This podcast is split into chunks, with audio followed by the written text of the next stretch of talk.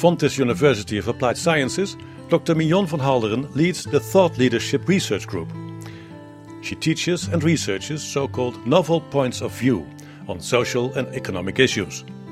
In this podcast, Mignon enters into conversation with people who make visions of thought leadership tangible and manageable.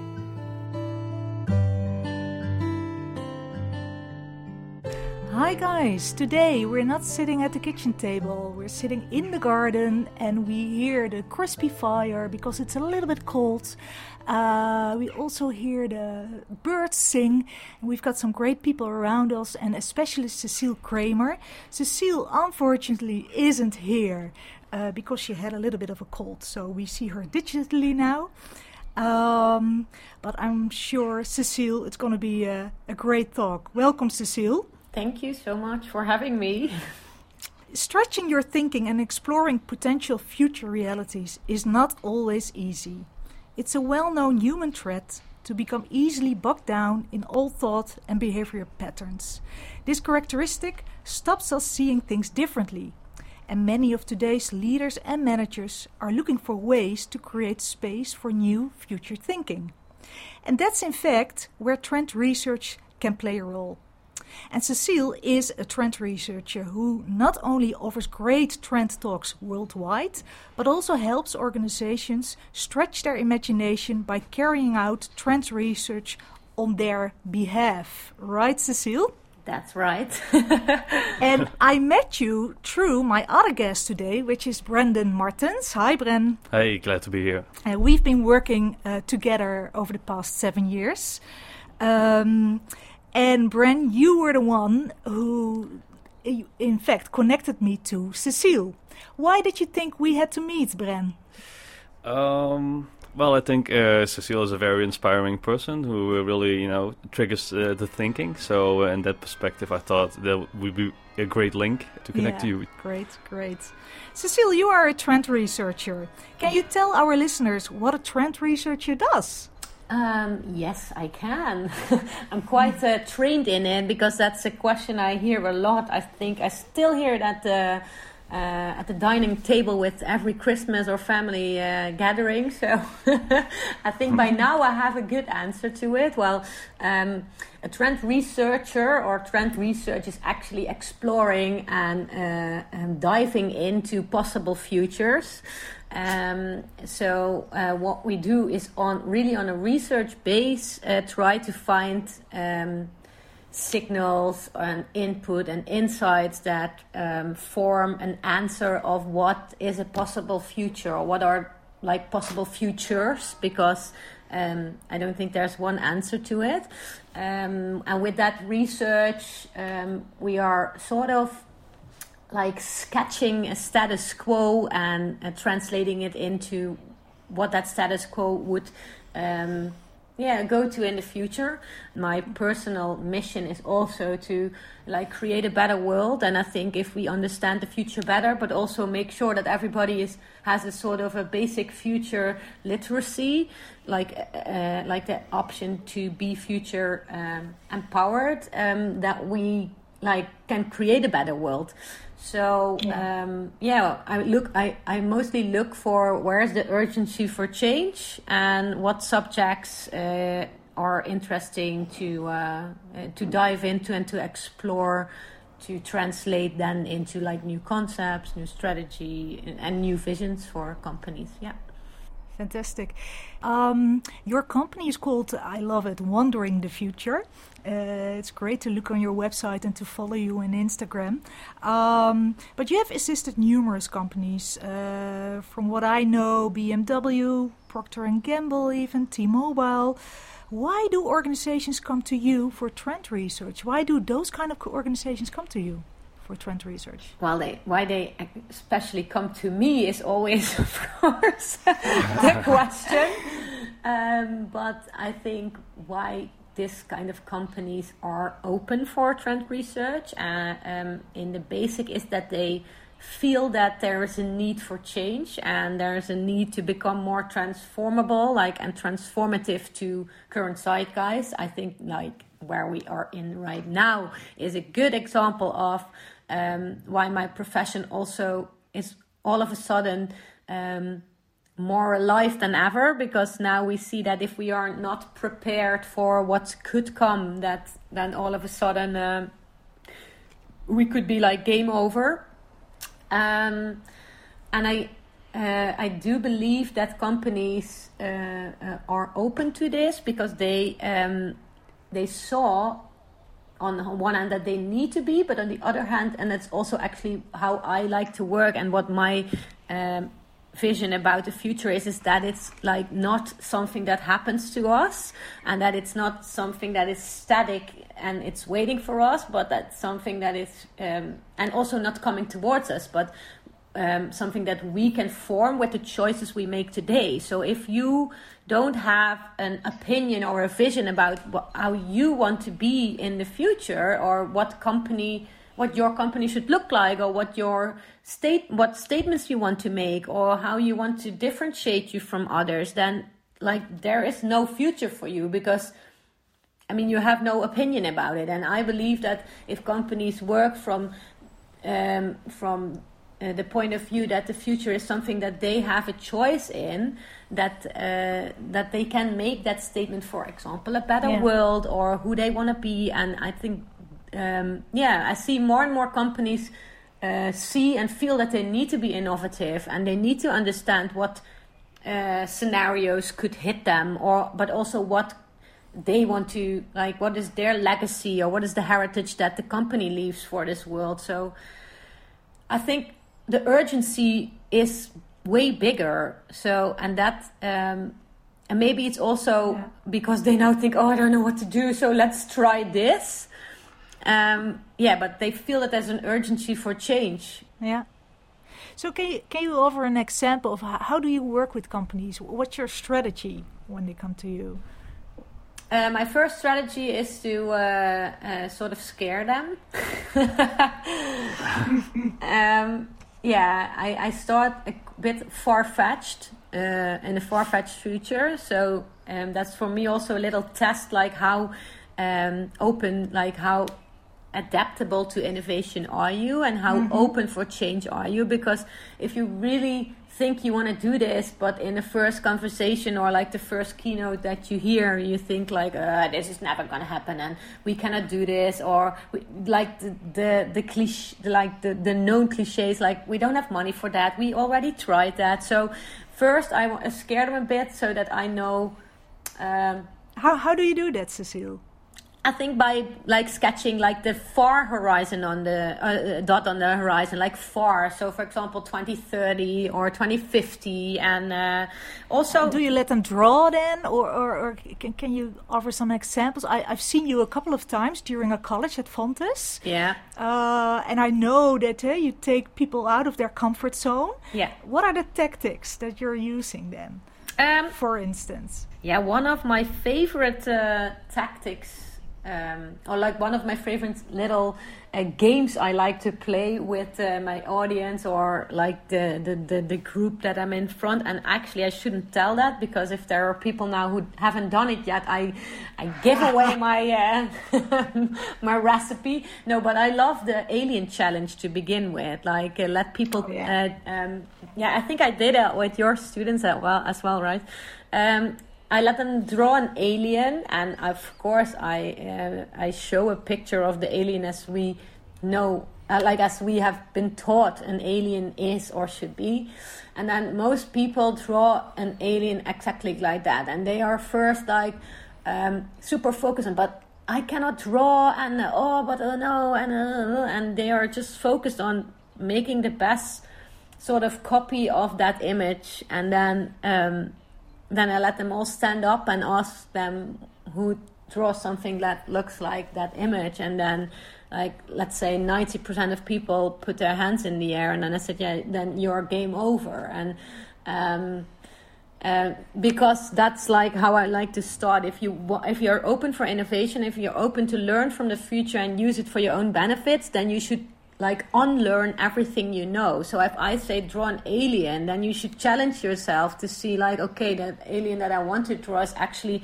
sort of conditioned in my mind because we've always done it that way. And I think that's the best starting point, like letting go of what you know if you are really open for innovation and change. Yeah. Because if you Yeah. cannot do that, if that's the alien you want to embrace and keep uh, keep close to you, then then you're like Yeah.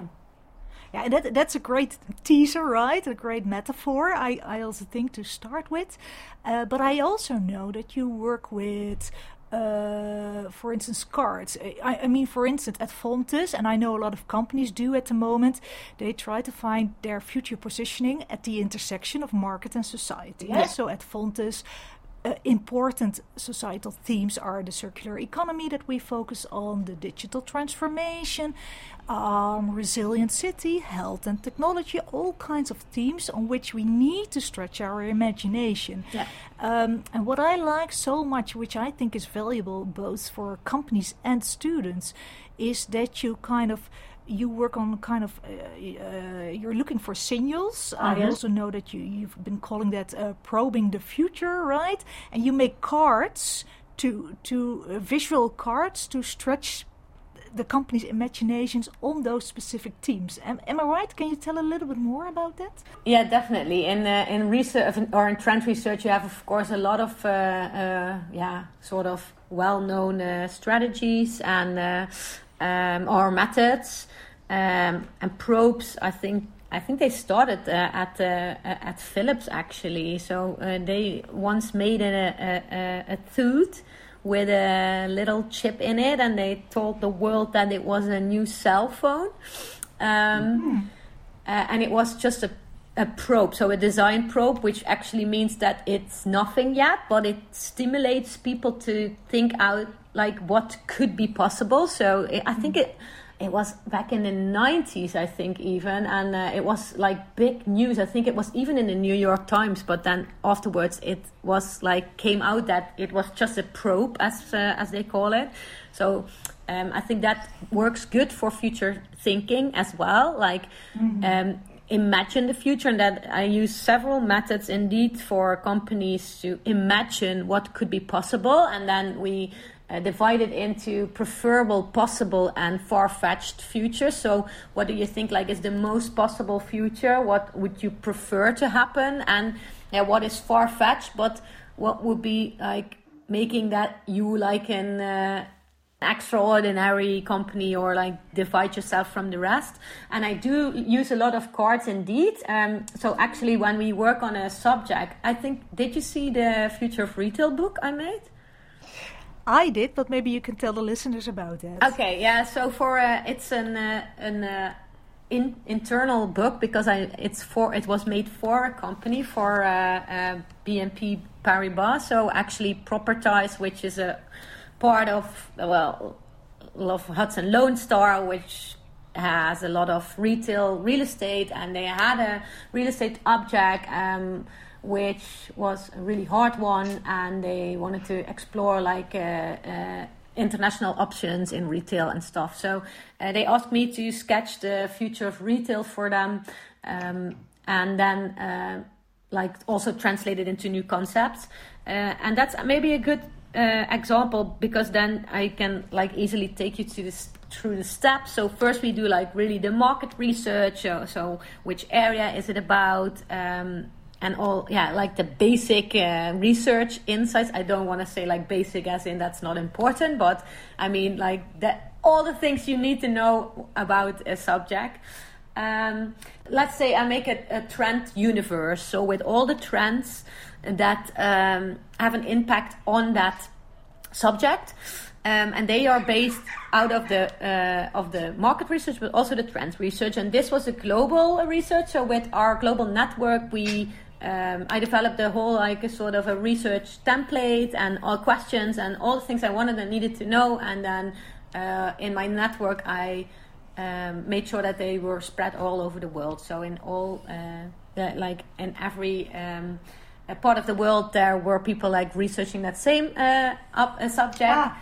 And then with all the outcomes, I did an analysis, and then I made a trend universe. So with I think it was 15 main trends in retail, uh, together with the uh, with the uh, client, we decided which one uh, were the most exciting for them. So, and then I always say like it's 60 40. So, 60% is something that is close to you, so a trend that fits you, but the 40% you should feel like extremely uncomfortable with, and you should think like that is nothing that I want to do, and this is totally not fitting our identity or whatever, because I think that's like the place yeah it's a bit of a cliche again but where the magic happens.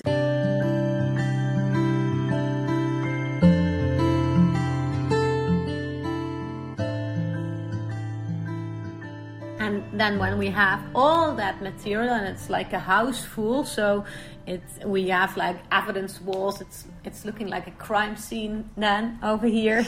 And then we start like finding patterns in all the things that we what, that we found that people say, that experts say, that products say, but that mark also that markets say. Um, and, and, and with that conclusion, we have sort of a future outlook, like a future vision, and that vision is then the starting point for strategy development or product development. And from that point, then we translate it um, because I can imagine for companies that they still feel like, okay, but um, I cannot touch that.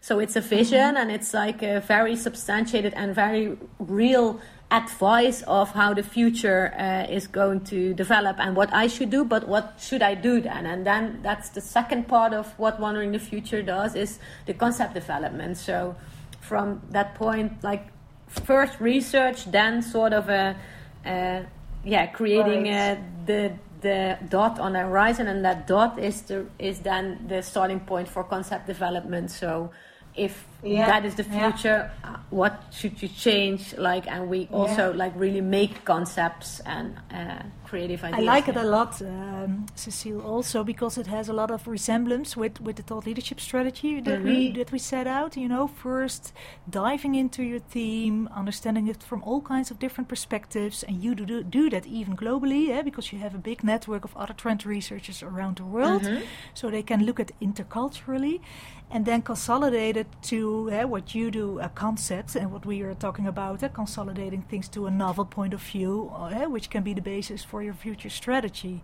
Um, so that, that's that's in fact also Bren, why you thought I had to talk to Cecile yeah. years ago because you saw this resemblance. Such a smart um, guy. a real connector, yeah. So Bren, when you listen to all this, I'm mm. sure you have a question. Uh, yeah, because you were talking about uh, Cecile, uh, but if you uh, present uh, the outcomes of your trend research and the, the novelty of your analysis, I can imagine that it uh, triggers but also provokes old ways of thinking. Huh? Mm-hmm. Um, you also said like uh, within the boardrooms you experience a little bit of the um, the hesitation because some of the trends are far out or not for them. Um, just now you were you were saying um, the with the 60-40 uh, the, the 40% of uncomfortable uh, trends uh, that you present. But how do you, in in those moments within that boardroom, how do you bring people along with that thinking to get them into contributing to that concept development, what you were saying earlier? Yeah, that's a, that's a great question actually, and uh, I think I've learned a lot about that over the years. So, um, in the beginning of my career, and I won't uh, uh, name the company, but it's a very well big Dutch corporate, and uh, that was the first time that actually this question came up to my mind because I thought this is totally unsuccessful uh, because we were there um, having actually a great conversation, and then it was my uh, turn to sort of share my uh, insights and my sort of advice of what could be different and um, uh, where there were chances and stuff, but I was like, as I still am in in comparison to more to the most boardrooms, I am super young, of course, and um, also a little blonde girl in the eyes of many uh, many uh, older uh, uh, corporate uh, board members, and I don't want to like say that everybody is like that, but um, yeah. Um, so this, the, the moment I uh, started talking uh, and like sharing my insights, um, I was totally ignored all of a sudden. So I was the only uh, woman in the room, there were three uh, board members from that company. Then there was a partner of mine who was also young but a guy, and me. And actually, the conversation was super interesting, and it was really going uh, good. And then I start uh, sharing my insights and what you say, like stretching uh, their minds and uh, provoking them, but with real, like real feasible business opportunities. And then they just shut me down. They didn't talk to me anymore. They. Uh, uh, yeah, they fully ignored me, and then I learned. Uh, I think that is my biggest lesson uh, that I learned, and also my answer to your question. Maybe I think in the mm. beginning is it's important to make the client um, part of the process. So, like I think in every business is like give them the idea that the idea is from them, not from you. Um, but that's not like the most important thing. I think what I do better now and what I learned is that uh, you can stretch the imagination as far as you want. You can provoke them like till they are almost irritated, but you have to make sure that you bring it back to the now. So I um, often hear that I'm sort of a, a um, yeah, like a visionaire, but uh, therefore also sometimes like a bit unreachable for people. Like, and that is nothing that I do, or but that's because I'm in the head a lot and like in my head, and uh, um, and that's what I learned. If you have to, you have to bring it down. You have to like you have to have the vision for tomorrow, but you have to have the solution for today. Because a lot of the mm. times I also got the question like so, uh, how much will we earn? Uh, what is the out like the financial outcome of this? And then I was like, yeah, shit, I don't know. So, yeah, I, do, I do. I cannot tell you. I, I I can tell you that it will be positive, but I cannot tell you what it is. And then I thought, okay, I need to get an answer to these questions because they are fair enough. And I mean, that's in the end, if we like it or not, it's still like a a, a very uh, uh, urgent question for big corporates and companies. So what do I? Uh, what is my financial outcome? And then um, I said like, okay, I I cannot give you a number, but um, let me ask you. I, I can tell you this. I can tell you what it will cost you if you don't do hmm. it. If you are not open to uh, be triggered and to um, yeah, stretch your thinking and to uh, ex- at least explore the possibilities of uh, change. And and then I thought, okay, yeah, that's a good answer actually. And I saw like also um, the reactions then, like, okay, she cannot tell me if I like make two million uh, more ne- next year, but uh, that's not even interesting if I could lose like the whole company in five years if I am not changing or I don't make changes. So. Mm-hmm.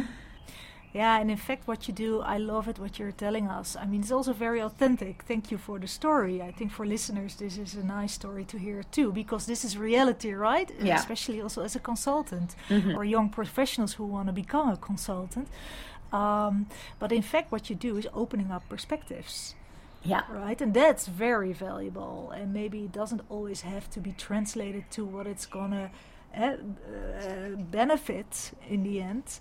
Uh, but the benefit is already in the fact that it's stretching your thinking and opening up new perspectives. Yeah, and I also yeah. think, um, and that is maybe why some companies are still hesitated to work with trends, or like if the word future and change uh, uh, drops, that they like get scared or uh, like not interesting and not interested, because a lot of people still think that innovation and change is like the new, like the highest tech and uh, like far fetched, and it's nothing, and maybe maybe they just sell a product. or what do they have to do with uh, innovation and stuff. But that is something I uh, is my mission to also um, get out there. That innovation and change is not like the latest new digital solution. It can just be like, I mean, if you look at into trends and change now it's it's more like uh, stepping away from that it's more like going back to the core like what is really important in life uh, what do we people really need. I mean, a few years ago we had the whole digital detox uh, um, uh, movement, like directions of change. Um, so that's also why I think some companies are not diving in it because they think it's it's like high tech, but it's actually finding uh, fitting solutions to like to urgent to urgent challenges and that can also be like consumers that are unhappy um, work life balance uh, name it. And it's not only mm-hmm. like digital or tech that's the answer. And i think if if consumers or like if companies uh, would have a broader understanding of why, why trends are so important or why innovation and change can lead to uh, positive like progression uh, that they would be more open to it. Yeah. Yeah um, Cecile, I know that you are an alumni of Fontys. Yeah. Uh, the Fontys Academy for Creative Industries. That's where you um, uh, did your study, and uh, out of that, you became a trend researcher uh, later on. Yeah. Uh, what would you like to advise to uh, Fontys students, and then not necessarily the trend researchers only, but especially we are the Fontys School of Business and Communication. What are the advices that you would like to give them as an alumni of ours? Um, I think, and uh, the most important one is trust the process and it's again that's my third cliche this uh, this podcast i guess but no trust the process because in the beginning of my study i i went in all different directions. I thought this is what i'm going to do. This is what i'm going to do. This is what i'm going to do. And every uh, step along the way i thought no no no not this. No not this. And then uh, um, i actually didn't want to have my own company. So uh, that happened because I was like a pioneer and I was the first one uh, um, graduated, and there were like no jobs or no vacancies for a trend researcher of a concept designer because nobody had a bloody clue what that would be. Um, so then I started like uh, writing to companies that did what I do as well, and then like uh, like without vacancies, so just trying and trying, and um, that's how I got like the story is way longer because I was in a vacancy process and then two months uh, like it was an intense process and two months in it uh, they chose the other one because it was an international company. I was not a native speaker. Um, and then I thought like but you were so enthusiastic about me so I called them and said that I was really disappointed and that we if we could do something else together and then they said yes so then it, that my sort of freelance career started there because i thought if i can do that with you and it was really the number one trend research company in germany um, then i can do that everywhere. And that's actually how it started. And if i look back at it now i think you, that's because i in the end trusted the process.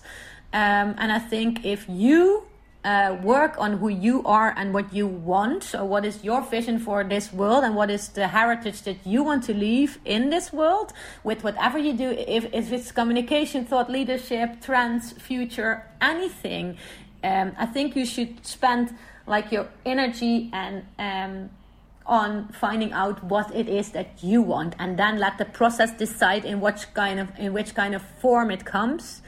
Um, so, don't be too focused on I need to have a job, I need to have this, I need to have that. Of course, we have in this world still some needs to be yeah. part of society. But um, I, yeah, just find out what it is you want. Advice. Yeah, thanks, Cecile. Cecile, we're going to round up. I'm just looking at Brent. Maybe he has one more question to ask you before we wrap up. Yeah, um, do you believe that uh, uh, that companies at the moment are incorporating uh, trend research as a cornerstone within their uh, corporate strategy, or do, these, do they still have a world to win? I think uh, it's a 50 50, uh, uh, or like, uh, I'm not sure if it's 50 50, but I think we made some really good progress. Um, and I, a good example is Germany. Uh, a lot of corporates are there having like a trend uh, or a, um, yeah a micro trend uh, a part like an, uh, a department or a trend department uh, in the co- co- company. So you see it uh, it's increasingly um, growing within corporates to have it in for their own. I am not sure if that is the good strategy because i think as soon as you like box this profession as sort of a daily task within the four walls of a company. I might, I am always a bit hesitating um, about how open your view and your like your insights still are when you are stuck in a corporate, uh, like in a corporate structure. Um, but it means that they are more open to um, yeah, they are more open to explore it, and I think that is a good uh, thing to begin with. Um, so I do still think we have a world to win, but this disruptive world as we are living in right now has been a good accelerator for what we do because, as I said in the beginning, now companies all of a sudden had like a lot of stress about oh my god we had we did not see this coming and nobody had saw this come but uh, nobody had a plan B for disruptive change. So you don't always have to know what is going to happen, but you should have like a plan B, C, D, E, F, G. Um, and I think that is uh, what we won with the situation that we are in now. That companies are like more aware of that fact, but we also yeah. still have a world to win. So I'm excited about that. Me too, Cecile. It was great having you here. Bren, thank you so much for joining this conversation. And uh, have a great day, Cecile. Thank you. You too. See you. Bye.